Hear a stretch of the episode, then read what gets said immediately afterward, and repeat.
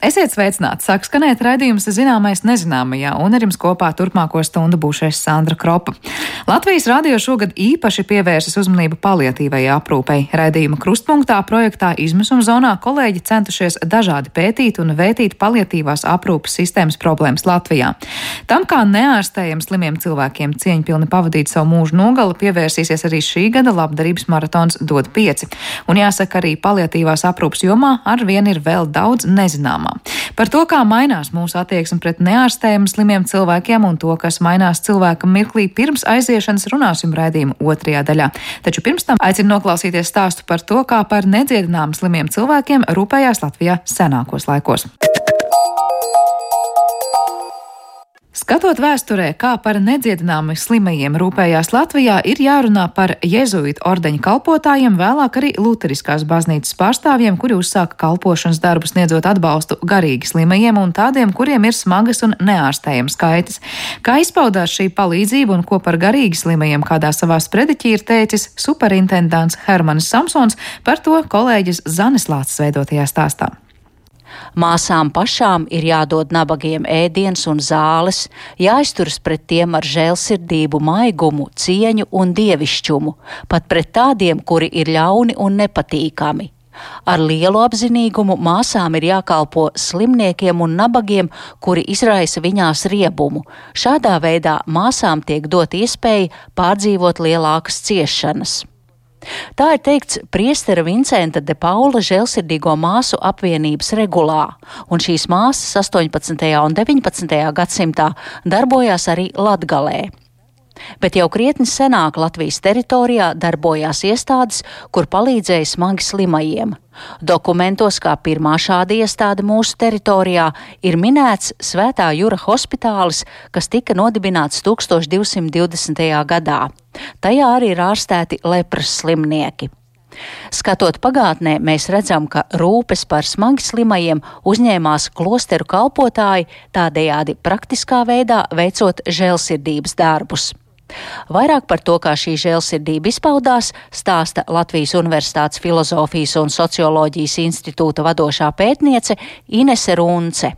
Latvijas teritorijā Livonijas laikā, jā, tātad dažādi ordeņi, dažādas baznīcas institūcijas, kas rūpējas par nespējniekiem, kas rūpējas par slimiem cilvēkiem, kuriem tieši ir šis kalpošanas veids, jā, veikt dažādus žēlsirdības darbus. Tas bija viņu, viens no viņu primārajiem uzdevumiem, savukārt, ko mēs redzam jau nu, pēc reformācijas, arī piemēram, ja mēs runājam par mūsdienu Latvijas teritoriju, ja, tad sākot ar 17. gadsimtu, pirmie tādi slimnieku aprūpētāji, tādi cilvēki ar zināšanām, pieredzi, kuri veido kaut ko, ko mēs mūsdienās varētu saukt par tādām saudabīgām slimnīcām.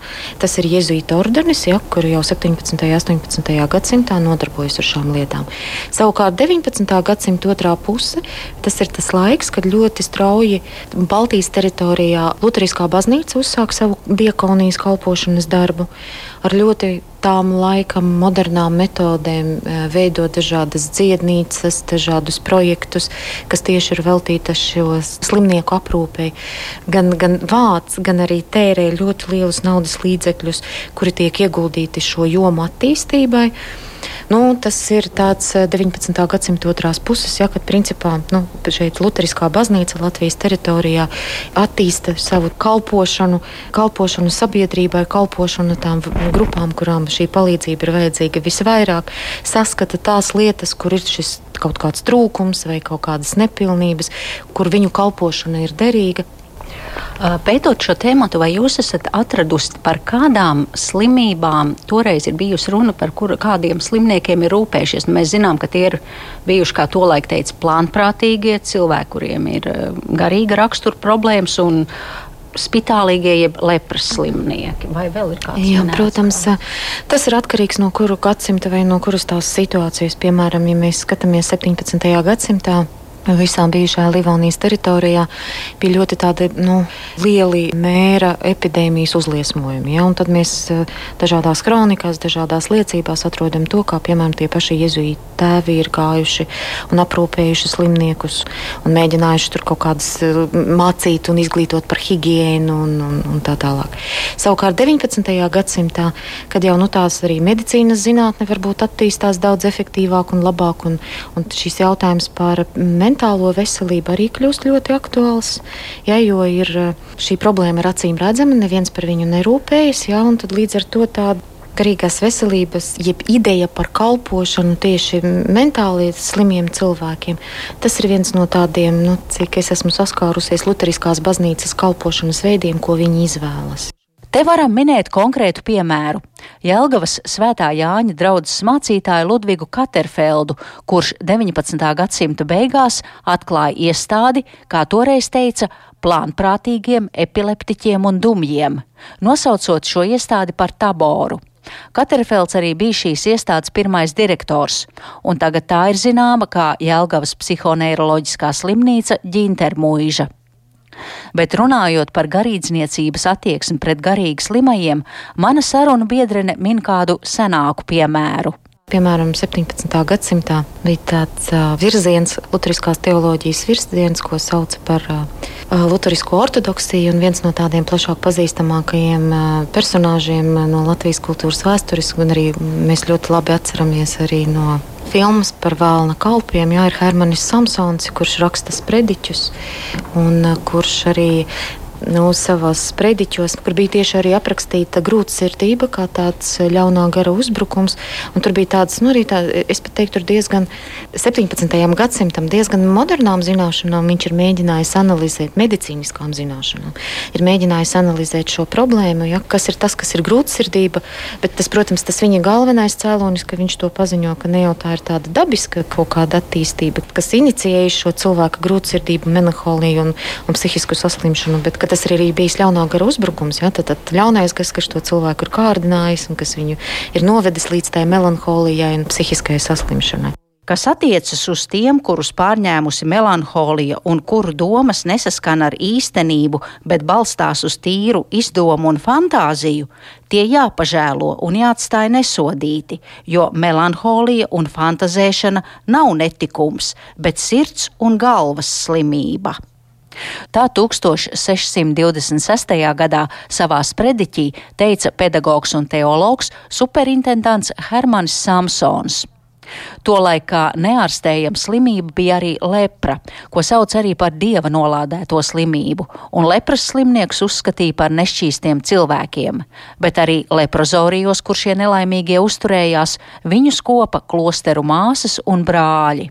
Bet, piemēram, arī to, ka mēs skatāmies nu, tādā tīri Eiropā, ja, kad bija šie viduslaikos lepras uzliesmojumi, tad um, bija tādas divas atšķirīgas tādas pieejas. Tātad, pirmkārt, pieeja bija tā, ka izglītoja cilvēkus par higiēnu, Un tad visai bieži tie izglītotie, kas bija karīdzniecība vai, vai klosteru ļaudis, tas viens no viņu kalpošanas veidiem bija tas, kad mācīja par to, kas tas ir un, un kā no tā izvairīties, vai ko darīt, ja tas ir noticis. Un trešais, kad, protams, visai bieži jā, bija tie klosteros, vai bija tādas telpas, vai pie klosteriem, vai kaut kur, kur šie karīdzniecībā klosteru cilvēki gāja un savu zināšanu vai savu spēju ietvaros mēģināja fiziski viņiem palīdzēt. Jo, jo protams, kā izārstēt cilvēkus nevarēja, bet tas bija brīdis, tas īsais brīdis, kamēr viņi mēģināja viņus, nu, kā lai atvieglot viņu ciešanas šajā pasaulē. Ko mēs principā redzam ļoti daudz arī, piemēram, 70. un 80. gados māsas Terēzes kalpošanā Indijā. Viņiem aizvien ir šīs slimības, vietas, kur uzliesmo dažādas slimības un lipīgas slimības. Tā skaitā arī lepra, kad nu, ka viņi jau neko nevar darīt. Ja, tā slimība ir vai nu tik ielaista, vai ka viņi ir neārstējama, ka viņi vienkārši ko viņi rūpējas, viņi rūpējas par to, lai tas cilvēks nomirtu jeb mirtu ar godu un cieņu. Ja? Tas jau visai bieži ir tas, ko baznīca spēja izdarīt. Par to, kā senāk palīdzēja smagi slimiem cilvēkiem Latvijā, stāstīja Latvijas Universitātes Filozofijas un Socioloģijas institūta vadošā pētniece Ines Runce, un ar viņu tikās mana kolēģe Zana Lāce. Bet raidījuma turpinājumā mēs runāsim par paliatīvās aprūpas problēmām Latvijā mūsdienās. Música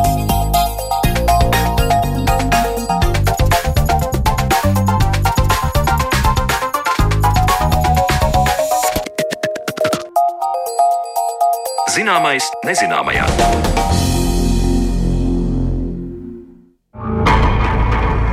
Izmisuma zonā - paliatīvā medicīna Latvijā.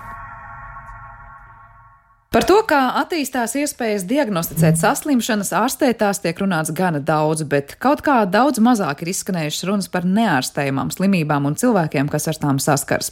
Kāda ir to cilvēku dzīve, kuriem uz šīs pasaules palicis pavisam īs laiks? Kā šiem cilvēkiem runāt ārstiem, kā izprast, kādas ir šo cilvēku vajadzības, kad vienīgais, ko viņam var sniegt, ir palīdzēt iespējami mierīgāk un nesāpīgāk nomirt?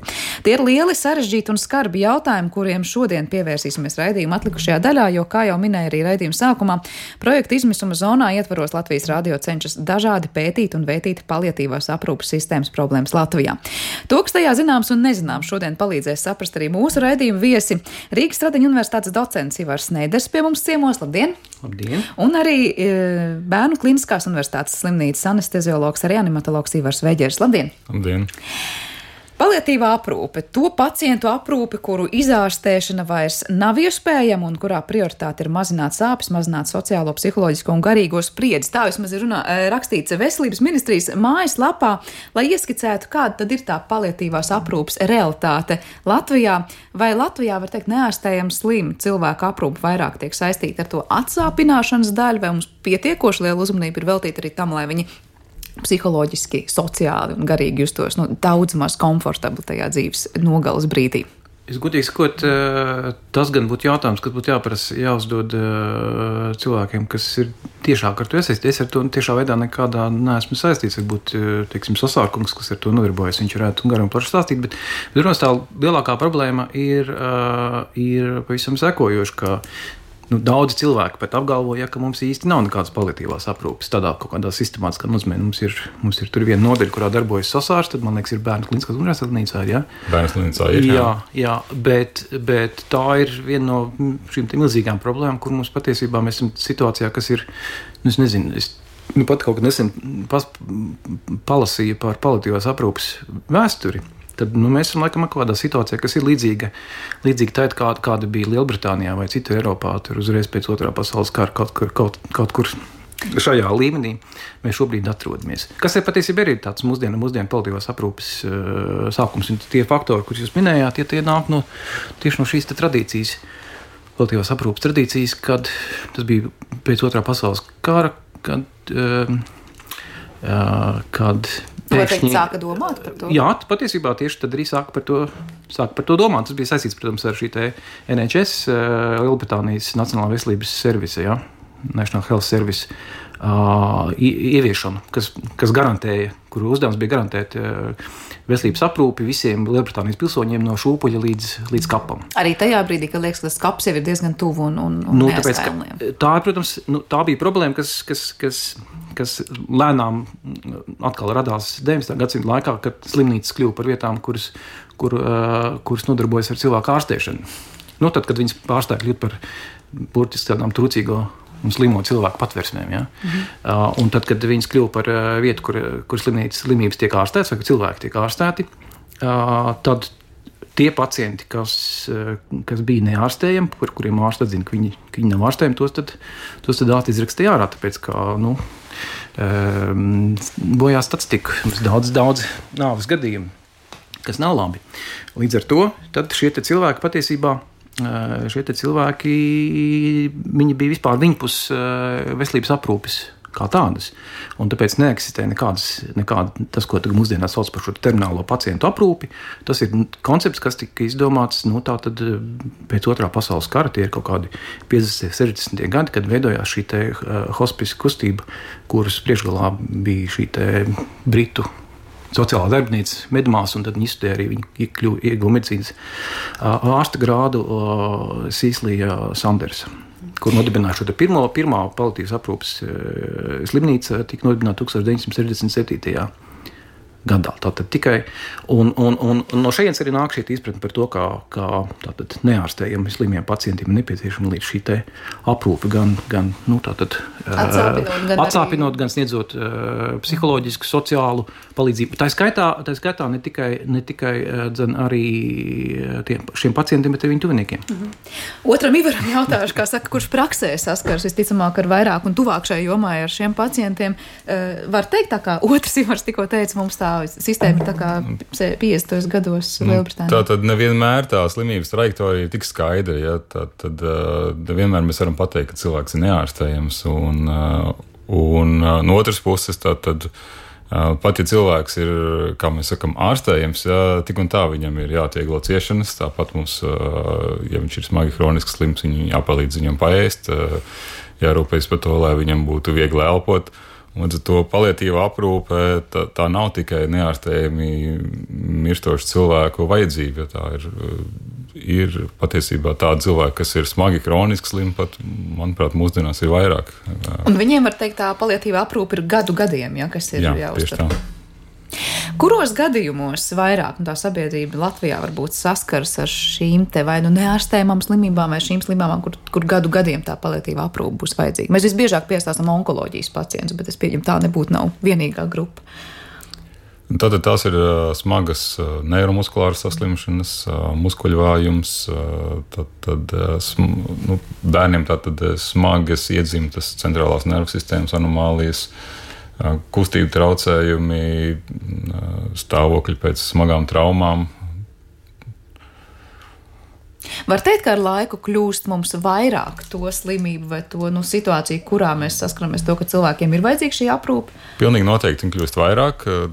Un arī mēs esam, kā jau otrs Ivars teica, kādas pāris desmitus gadus varbūt aiz rietumvalstīm, bet rietumvalstīs redzēt, ka ir tāda tendence, ka attīstoties medicīnai, aizvien vairāk cilvēku izdzīvo smagas un ļoti smagas slimības, un neizbēgami tas noved pie tā, ka šo cilvēku skaits palielinās. Un, Un šādu tendenci mēs viennozīmīgi redzam. Jā. Tas, kurā brīdī mēs esam, var teikt, tur, kur citas Rietumē Eiropas valstis bija pirms vairākām desmit gadiem, tas arī piekritīsiet skar to, ko mēs vispār spējam nodrošināt šiem cilvēkiem, vai mēs vispār sākam aizdomāties par to psiholoģisko kaut vai pusi, kā nodrošināt šo cilvēku nu, normālu dzīvi šajā posmā. Kur ir tie klupšanas akmeņi? Ja mēs sakām, mēs esam tur, kur daudzas Eiropas valstis bija pirms vairākām desmit gadiem. Es domāju, nu, tur jau tas laikam attiecas uz visu veselības aprūpu kopumā.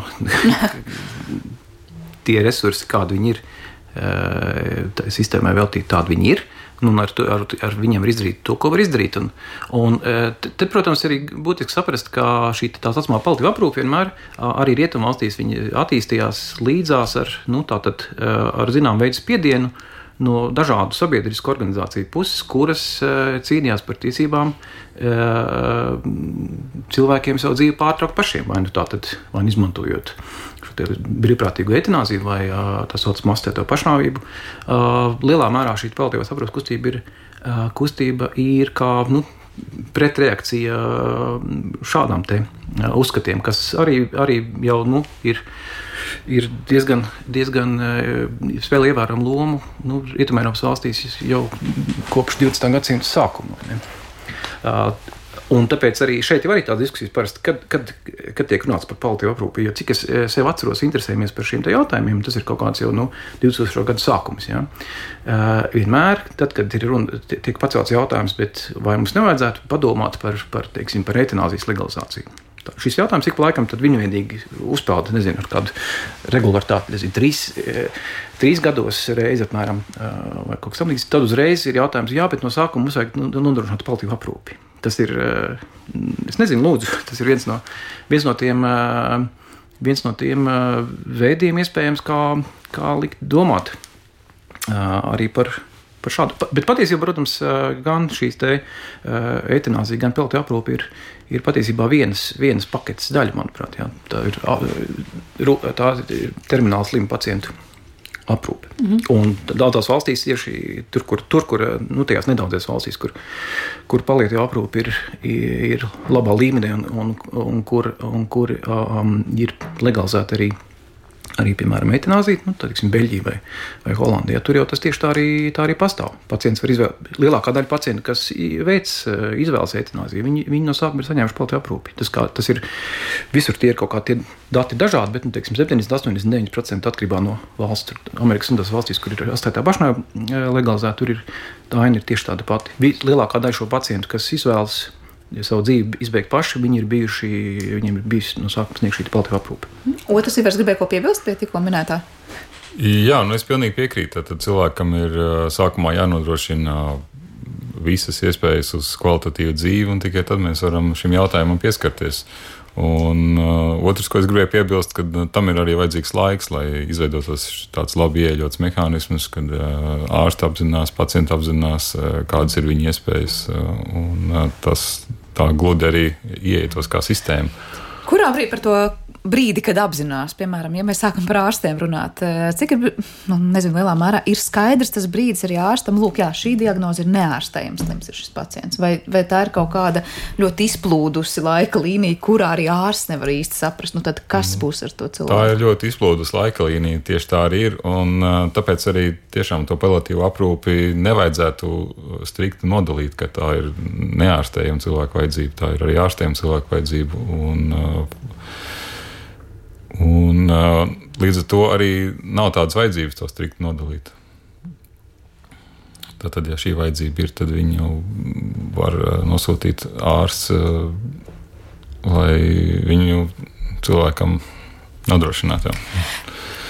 Tad... Tie ir vairāk tie formāti, kādā viņi parasti tiek realizēti. Ja ir tā, tad ir šīs Baltijas aprūpe, kas tiek liekta uh, nu, slimnīcas ietvaros, mm -hmm. tad ir slimnīca, dažos gadījumos ir atsevišķas šīs paliatīvās aprūpes slimnīcas vai hospice, ja, kuros tur gan pārsvarā ir tie gadījumi tādi, kur cilvēks jau faktiski viņam ir, viņam ir jau uh, uh, uzstādīta diagnoze ar kaut kādu paredzamu dzīvības. Nu, tiksim, es domāju, ir kaut kādi gadījumi, kur, kur ir diezgan skaidrs, Jā, jā, kā, kā cilvēks nav ārstējams. Uh, nu, ko onkoloģijas gadījumā, laikam, primāri būs tādi, vai, vai, teiksim, vai, vai, vai neirodeģeneratīvas saslimšanas, ja tur ir multiplā skleroze vai kaut kas tamlīdzīgs. Nu, tajos gadījumos tur ir tā trajektorija, viņa varētu būt, nu, mēs varētu būt grūti pateikt, nu, tieši kad mēs nevaram. Bet tas, ka viņi būs apmēram tādi, ar ko tas viss beigsies, tur, nu, to mēs zinām. Jā. Ir neārstējams slimības. Un tad, un tad ir šie vairākie formāti, kā jau minēju, ir slimnīcas ietvaros, tad ir atsevišķi hospice, un tad, protams, ir vēl šī paliatīva aprūpe, kas, kas tiek sniegta pacientam mājās. Jā. Ir jau arī tādi pacienti, kuri, kuri, kuri, kuri var uzturēties mājās, viņiem nav nepieciešama tāda apjoma šī palīdzība, bet, bet tā kā tam, tam vajadzīga kaut kāda resursa. Mūsdienās tas tā ir tā, ka pacienti, tuvinieki ir arī tie, kas ļoti bieži to, paši arī to dod jūs nu, Nesen izskanēja arī no neatliekamās medicīniskās palīdzības puses tāds arī nu, sauciens pēc, es nezinu, vai izpratnes vai palīdzības, ka ļoti bieži patiesībā uz šiem neatliekamās medicīnas ārstiem tiek uzlikt tā, tā, tā, tā funkcija, jo tas cilvēks zvana, viņam ļoti, ļoti sāp, aizbrauc atpakaļ. Bet jādara. tieši tā, viņam tas nav, tas nav ne laiks, ne resursi to izdarīt. Tas ir resursu izšķērdēšana uzlikt uz cik cik es saprotu, neatliekamiem ar to nodarboties. Tad... Nu, viņi vēl pateikt, dzīves situācija piespiež viņiem ar to nodarboties. Tieši tā, un sāpes jau ir tikai viens no. Tā, tad iespējams, ka cilvēkam ir grūti pašam paēst, iespējams, ka viņam ir vajadzīgs tā, kaut kāds elpošanas atbalsts un citas lietas, ko nemaz neatliekamā palīdzība nevar tā kvalitatīvi nodrošināt. Par to, lai saprastu, nu, cik, cik lielā mērā var teikt, nu jā, šis cilvēks ir tā teikt neārstējams, slims vai, vai vēl ārstējams. Es saprotu, jums pašiem pirms vairākiem gadiem ir bijis pētījums, kur jūs aptaujājat Latvijas ārstus par viņu attieksmi vai sajūtu, kā būtu jāsaka, nav jāsaka lietas pacientiem, kur liktos, nu jā, jūsu tur konkrētā dzīvildze ir tāda, tāda, tāda. Un viens no tiem secinājumiem bija tāds, ka laikam Latvijas ārstu vidū ir diezgan liela nevienprātība par to, kas tiek uzskatīts, piemēram, par laiku, kad vēl cilvēkam ir, var teikt, lielas izredzes izdzīvot vai mazas salīdzinot ar citām valstīm. Jā, nu te gan tas uh, fons ir uh, svarīgs. Uh, šajā gadījumā tas bija tāds pilots pētījums, kur, uh, kur mēs veicām kvalitīvas intervijas ar ārstiem. Un, un šis pētījums izrietēja no, no nu, intereses par to, kādā veidā pacienti vispār tiek informēti. Un interesēties zināmā mērā arī par nu, šo te, uh, tradīciju, kādā, kādā ārsti tiek audzināti ne, un izglītoti. Un, uh, tā kā nu, joprojām vēl ir daudz tādu ārstu, kurus savu izglītību ir ieguvuši. Ir, nu, teikt, kā mēs teiktu, pirms neatkarības atgūšanas. Ja, uh, tad, ja mēs skatāmies tos kaut kādus mācību materiālus un īpaši kaut kādus priekšstats par to, uh, kā pacients būtu jāinformē, nu, skatāmies no tā laika literatūras. Tad es tagad pēkšņi no galvas izkrīt tas autors, no kura viņi visi tur mācījās. Tas bija. Nu, varbūt nav tik būtiski. Tas šobrīd, nav tik būtiski, jā, jā bet nu, katrā ziņā tur melns uz balta bija rakstīts, ka teiksim, tajos gadījumos, jā, tas, tas ir mācību grāmata medicīnas ētikas. Jā. Tajos gadījumos, ja pacients ir neārstējams, pārsvarā, protams, šajā gadījumā ir runa par onkoloģiskām diagnozēm, tad uh, pacientam viņa diagnoze atklāt nedrīkst. Jā. Uh, viņa izrakstā ir jānorāda kaut kas cits. Viņiem tikt, uh, un tam līdzīgi. Un, un tas arī parādījās, tad, kad mēs runājam ar, ar šiem ārstiem, šī pētījuma ietvaros. Mēs runājam ar, ar, ar dažādiem, mēs runājam, ar, tur bija ķirurgi, torakālie, tur bija ģimenes ārsti. Uh, tad, jā, tad uh, viņi atsaucās uz šo pieredzi, ka tas ir tas formāts, kādā viņi tika izglītoti un skoloti. Ja, tas, ir, uh, tas ir tas veids, kā, kā kā ar pacientu šā, šādos gadījumos jārunā. Proti, no viņa šī informācija tiek slēgta. Bet jūs uzdevāt šiem ārstiem eh, jautājumus konkrēts par trim scenārijiem. Un viens bija tāds, ko jūs darītu, ja, piemēram, lūk, ir pacients, kur izredzes mhm. izdzīvot, ir tur 50% eh, tuvāko gadu laikā. Man liekas, vēl kaut kāds variants bija, kad it kā izredzes Eh, protams, jā, ka nāves iespēja varbūtība ir 10%, un tad tika uzskatīts, ka tā jau ir ļoti maza varbūtība. Un gandrīz nu, tad jau mēs vispār neinformēti. Jā, jā. Tāpat laikā citās valstīs tie 10% skaistījās, vai tā ir ļoti liela varbūtība, tad ir jāinformē.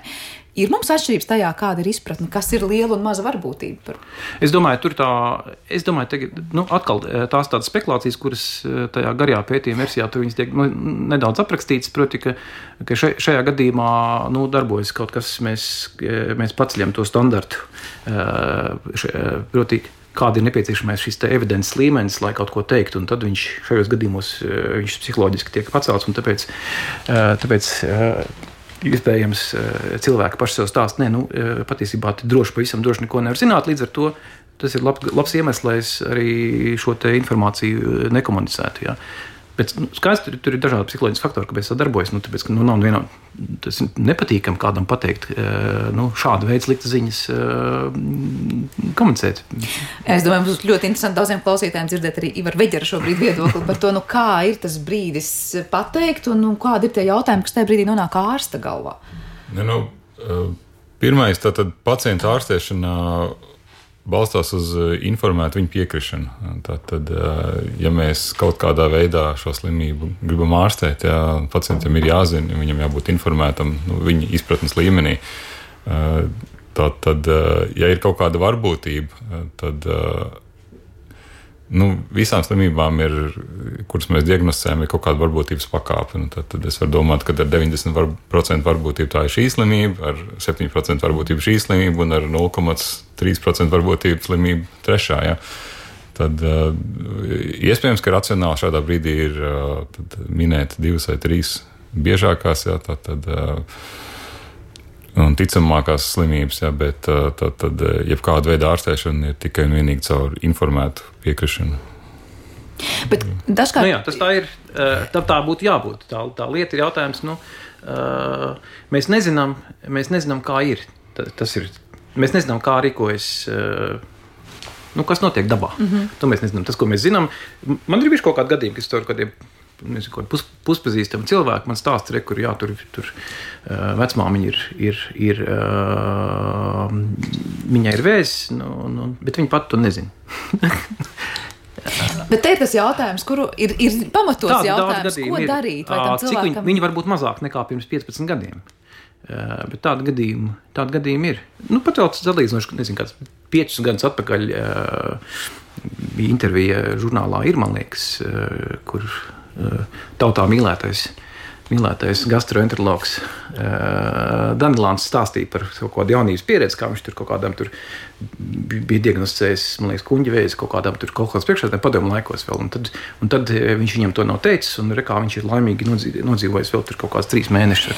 Šis ir parasti tas, kas tas izskan, tas, jā, tas, ka tas, cilvēkam pasako to jā. diagnozi, viņš sabrūk un vispār nav gatavs ārstēties un padodas, un dažkārt saka, nu tad cilvēkam varbūt neteikt un nebiedēt, viņš varbūt daudz vismaz vismaz cīnās. Citā kā saka, viņam ir jāzina, kas ar viņu notiek. Varbūt viņam ir jāizbauda savas dzīves pēdējie gadi vai mēneši. Kāda ir tā dilemma, kas notiek ārsta galvā tajā brīdī? Nu, es droši vien pateiktu, jebkurā gadījumā. Es uh, savā profesijā ar tādām situācijām saskaros uh, reti, bet uh, nu, es uzskatu, ka uh, cilvēkam ir tiesības zināt, un um, viņam ir jāzina, uh, kas ar viņu notiek. Uh, kāda ir mūsu plāna un kāpēc. Tad viņam jāzina pilnīgi noteikti reālā situācija, nevis kaut kāda daļa no situācijas. Jā, jo tā, tad uh, cilvēkam ir tiesības atteikties no jebkura veida ārstēšanas. Un, uh, manuprāt, nav pieņemama situācija, kad mēs veicam kaut kādu veidu ārstnieciskas darbības, uh, un, un tam nav skaidrs mērķis. Cik liels pamats ir tam apgalvojumam, ka uzzinot šīs smagās diagnozes, cilvēki saka, nu, sabrūk un nav gatavi vispār ārstēties, un var teikt, nu, psiholoģiski vairāk nodara sev pāri. Un, Un varbūt būt daudz pasargātāki, ja nezinātu šo, šo diagnozi. Ir pamats teikt. Es zinu tikai, ir, nu, tad, kad es par to interesējos, tad tie visi stāsti pārsvarā ir nu, eh, kaut kāda anekdotiska. Kādam bijis kaut kāds gadījums, kad kāds tur nezinu, izdarījis pašnāvību vai, vai tam līdzīgi. Bet nu, tā. Citur nekur nekāds dats par to, par to nezinu. Bet es domāju, ka tā ir zināmā mērā, pirmkārt, te ir daudz un dažādi faktori. Es domāju, ka, ka šis priekšstats pacientiem, nu, pacientiem kaut kādu šādu nu, nepatīkamu informāciju slēgt, slēpt, viņš, protams, ir, ir mm, saistīts ar tātad, paudzes zinām jautājumu, zināms jautājums. Nu, Protams, noteikti ārsta paudzes jautājums, jo, jo patiesībā tā kādreiz bija arī tāda, tāda norma, līdz pat arī nu, rietumu valstīs tas bija pieņemta praksa līdz pat arī kaut kādā 20. gadsimta mm, vidum. Ja. Tad, kad mainījās izpratne par tur daudz dažādu faktoru. Tad, kad, kāpēc tas izmainījās? Tad, kad mm, izmainījās izpratne par, par pacientu tiesībām, ja, par to, kāda ir tā ārsta un pacienta attiecību, uh, viņa raksturs, ja kā ārsts nu, nav īsti īsti tāds eh, armijas ģenerālis, kurš, kurš eh, dod rīkojumus un, un tā tālāk. Lai gan tā valoda, ja, kādā, kādā, par kādā, kādā mēs ārstu praksi aprakstam, viņa tāda ir. Ja, nu, teiksim, no slimnīcas jūs izraksta, uh, angliski arī discharge, vai ne? Nu, parasti arī vēl viena cita vieta, no kurienes ir nu, discharge, ir cietums, ja? vai, vai doktors orders, vai ne? tā kā tās, te jau tā valoda kaut kāda ir, bet, bet tas saistīts ar noteikti šo te vienu priekšstatu par to, kāds ir šīs attiecības. Otkārt, protams, tas ir saistīts ar to, kādas ir tās medicīniskās iespējas. Skaidrs, ka uh, lielākā daļa gadījumu, tur 50. un 60. gados, uh, virkni diagnožu, kuras, kur, uh, kuras bija faktiski termināls, ja, tad viņas vairs īsti nav tādas tagad. Ja.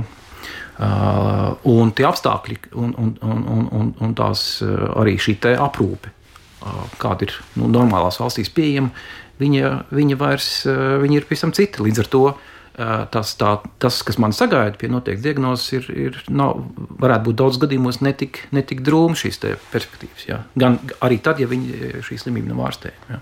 Nu, protams, ar dažādiem izņēmumiem.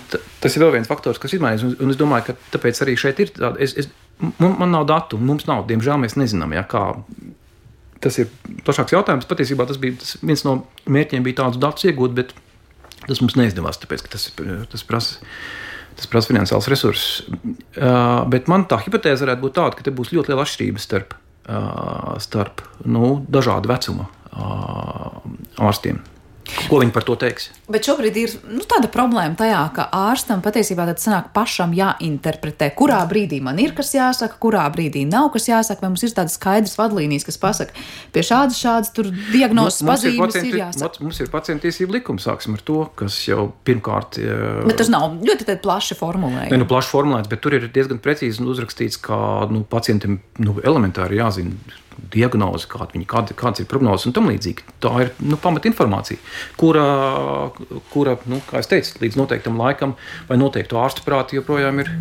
Ir slēpjama. Nu, mm. Es nezinu, un kādā mērā. Un tad kādā mērā mēs viņu arī tur uh, Paužam, jā, mēs viņu paužam. Jā, jā cits saka, dozē kaut kā pa daļām. Tā arī tas ir sens. Jā, es, at, tas ir.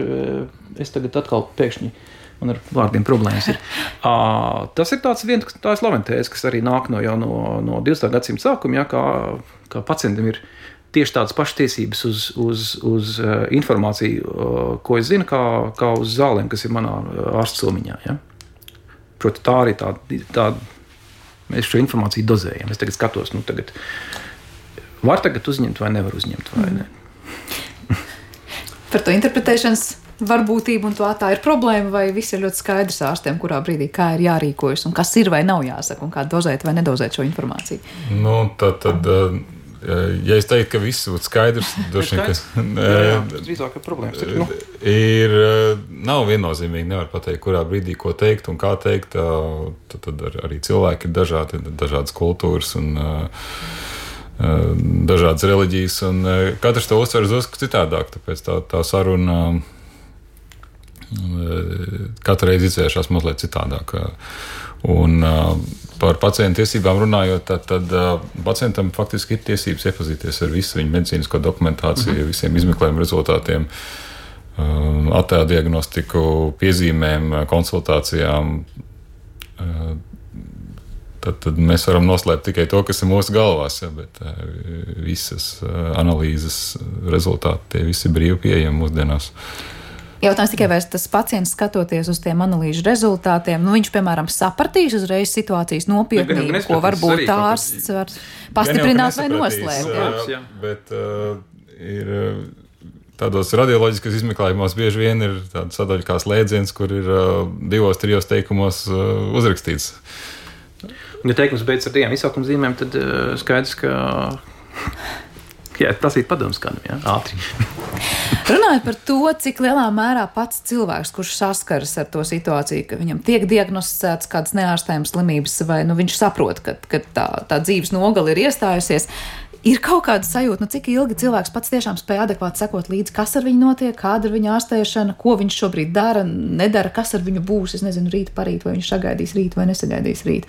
Vai var teikt, nu, īsi pirms nāves iestājas kaut kādas brīdis, kad cilvēks vienkārši ir, kā saka, citā, savā pasaulē, un viņš pat īsti nereaģē un nesaprot, kas notiek apkārt. Ja mēs runājam par mirkļiem pirms nāves, tad uh, visdrīzāk tā tiešām ir. Viņš ir uh, savā pasaulē, jo orgāns, kas ir visjutīgākais uz uh, sliktu asinsriti vai sliktu asinsspiedienu, ir galvas smadzenes. Un, uh, tie brīži parasti ir tādā aptumšotā apziņā. Jā. Kā jūs raksturot to, ar ko saskars cilvēks pirms nāves? Nu, jūs varat teikt, esat tuvāk tiem cilvēkiem, kas, kas, kas ar to saskars. Nu, tiem, kas ir nomiruši, es vairs nevaru neko pajautāt, bet tiem, kas ir kaut kādā veidā izglābti un atgriezušies, ja, teiksim, ir bijis atgriezenisks stāvoklis, smaga infekcija vai trauma, vai, tad lielākā daļa atcerās vai nu ļoti maz vai neko.